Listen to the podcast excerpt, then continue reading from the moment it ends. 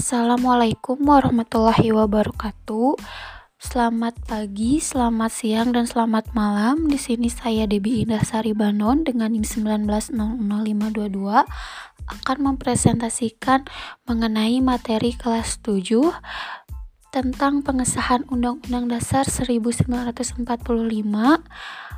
KI 3 KD 3.3 menganalisis kesejarahan perumusan dan pengesahan Undang-Undang Dasar Negara Republik Indonesia tahun 1945.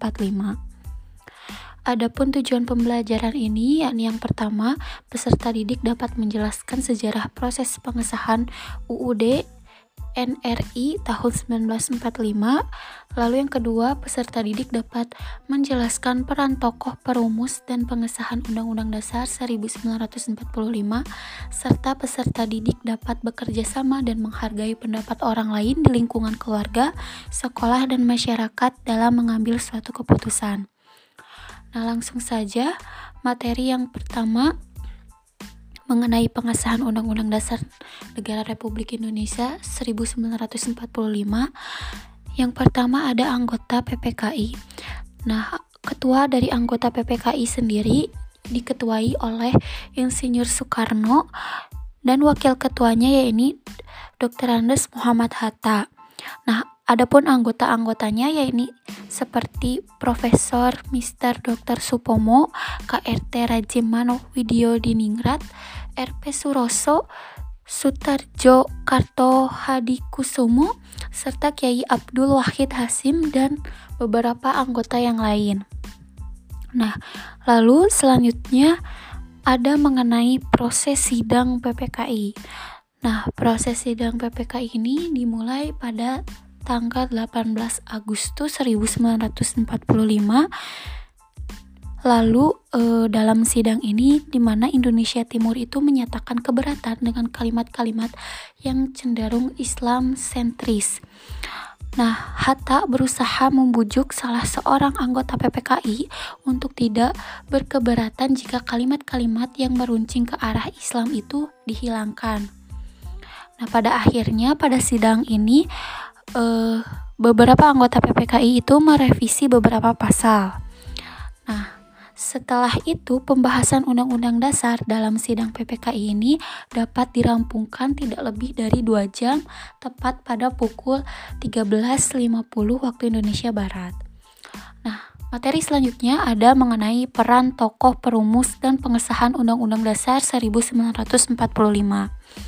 Nah, yang di mana peran tokoh di sini para tokoh pendiri negara memperlihatkan kecerdasan, kecermatan, ketelitian, tanggung jawab, rasa kekeluargaan, toleransi, dan penuh dengan permufakatan dalam setiap pengambilan keputusan, sikap patriotisme, dan rasa kebangsaan.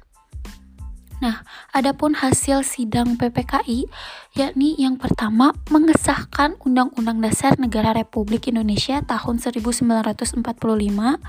Lalu yang kedua ada menetapkan Insinyur Soekarno sebagai presiden dan Dr. Andes Muhammad Hatta sebagai Wakil Presiden Republik Indonesia. Lalu yang ketiga ada membentuk Komite Nasional Indonesia Pusat. Nah, lalu ada materi mengenai arti penting Undang-Undang Dasar 1945. Yang pertama simbolik, yakni sebagai rujukan identitas dan keagungan kebangsaan. Lalu yang kedua ada pedoman sebagai penyelenggaraan kehidupan berbangsa dan bernegara. Lalu yang ketiga ada pengatur, yakni sebagai hubungan kekuasaan antar organ negara dengan warga negara. Lalu yang keempat ada sarana, yakni sebagai pengendali masyarakat sarana rekayasa dan pembaharuan negara.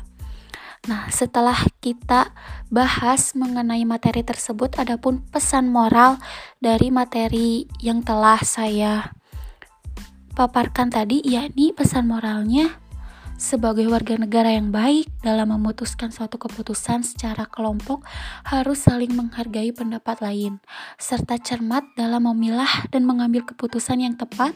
Selain itu, kita sebagai warga negara yang baik, kita harus tertib, mentaati peraturan di lingkungan kita sebagai rasa menghargai akan proses pengesahan Undang-Undang Dasar 1945. Sekian materi dari saya yang dapat saya paparkan. Wassalamualaikum warahmatullahi wabarakatuh warahmatullahi wabarakatuh.